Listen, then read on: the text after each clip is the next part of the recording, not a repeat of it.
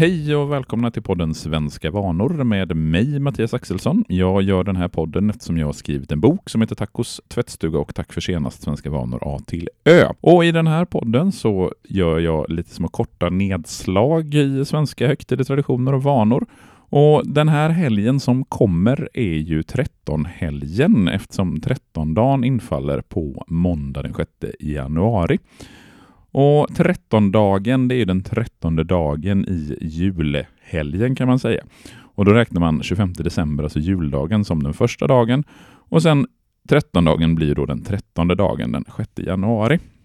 Och den 6 januari är ju en röd dag, vilket innebär att vi får en lång helg den här gången, eftersom trettondagen då är på en måndag. Innan trettondagen blev just trettondagen så var den 6 januari den dagen som man firade till minne av Jesus uppenbarelse, eller som det heter på grekiska epifanie.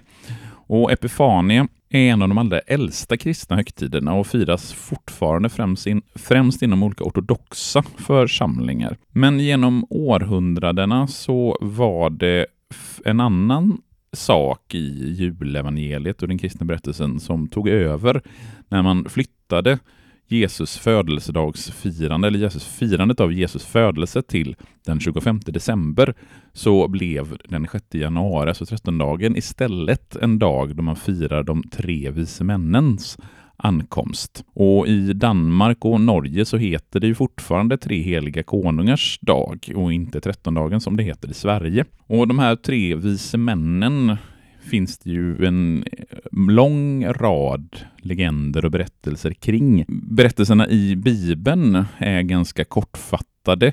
Att vi kallar dem för de tre vise männen, det beror på att det var tre gåvor, nämligen guld, rökelse och myrra som de kom med. Det står egentligen ingenting i Bibeln om hur många de var. Det som står, det är att eh, när Jesus hade fötts i Betlehem i Judeen på kung Herodes tid kom några österländska stjärntydare till Jerusalem och frågade var finns judarnas nyfödda kung? Vi har sett hans stjärna gå upp och kommer för att hylla honom. De gick in i huset och då fann de barnet och Maria, hans mor, och föll ner och hyllade honom. De öppnade sina kistor och rökte fram gåvor, guld, rökelse och myrra.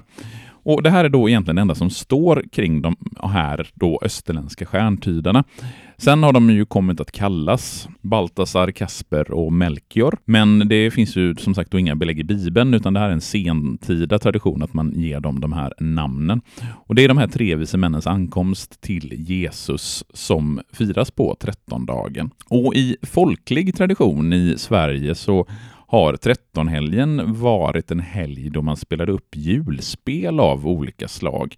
Hur de tre vise männen kom till Jesus och hur Herodes jagade Josef och Maria till Egypten. Och det var framförallt pojkar vid latinskolorna som spelade upp sådana här julspel för att få pengar, antingen till sig själva eller till de fester som man höll under trettonhelgen. Och den här seden att eh, driva runt och tigga pengar i form av julspel är någonting som man förmodligen inte alls såg med speciellt blida ögon inom kyrkan. Och de äldsta uppgifterna om sådana här julspel finns i bland annat rättegångshandlingar och olika förbud som man har uppfört kring de här traditionerna. De levde fortsatt vidare trots eh, att det fanns kritik mot dem. Och det är egentligen först i slutet på 1800 början på 1900-talet som de här julspelen mer eller mindre ersätts av Lucia-tåg och flera av figurerna, framförallt då stjärngossarna, flyttas från trettonhelgens julupptåg till då Lucia-tåget och blir istället ett inslag i Lucia-tågen de, eh, runt den 13 december. Inom stora delar av den kristna världen så är också trettondagen julens sista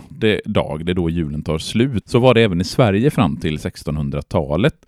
Men från 1600-talet någonstans så blev det istället 20 Knut, alltså den 13 januari, som blev julens sista dag. Det är på 20 Knut som man dansar julen ut och det är då man traditionellt haft julgransplundringar och liknande. Men det här har under slutet av 19 och början på 2000-talet eh, återigen flyttats tillbaka till 13-helgen eller kanske till och med ännu tidigare.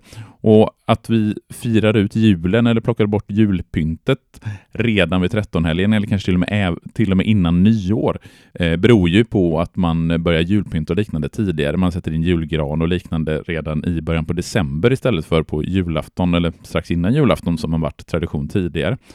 Men numera så är då 13-dagen fortfarande en röd dag och även då den sista lediga dagen på eh, de flesta skolbarns jullov, så det blir också då en naturlig slutpunkt för själva det utdragna julfirandet. Och med det så säger jag tack för den här gången så hörs vi igen om en vecka där jag ska prata om lite andra typer av svenska vanor och traditioner. Ha det så bra tills dess. Hej då!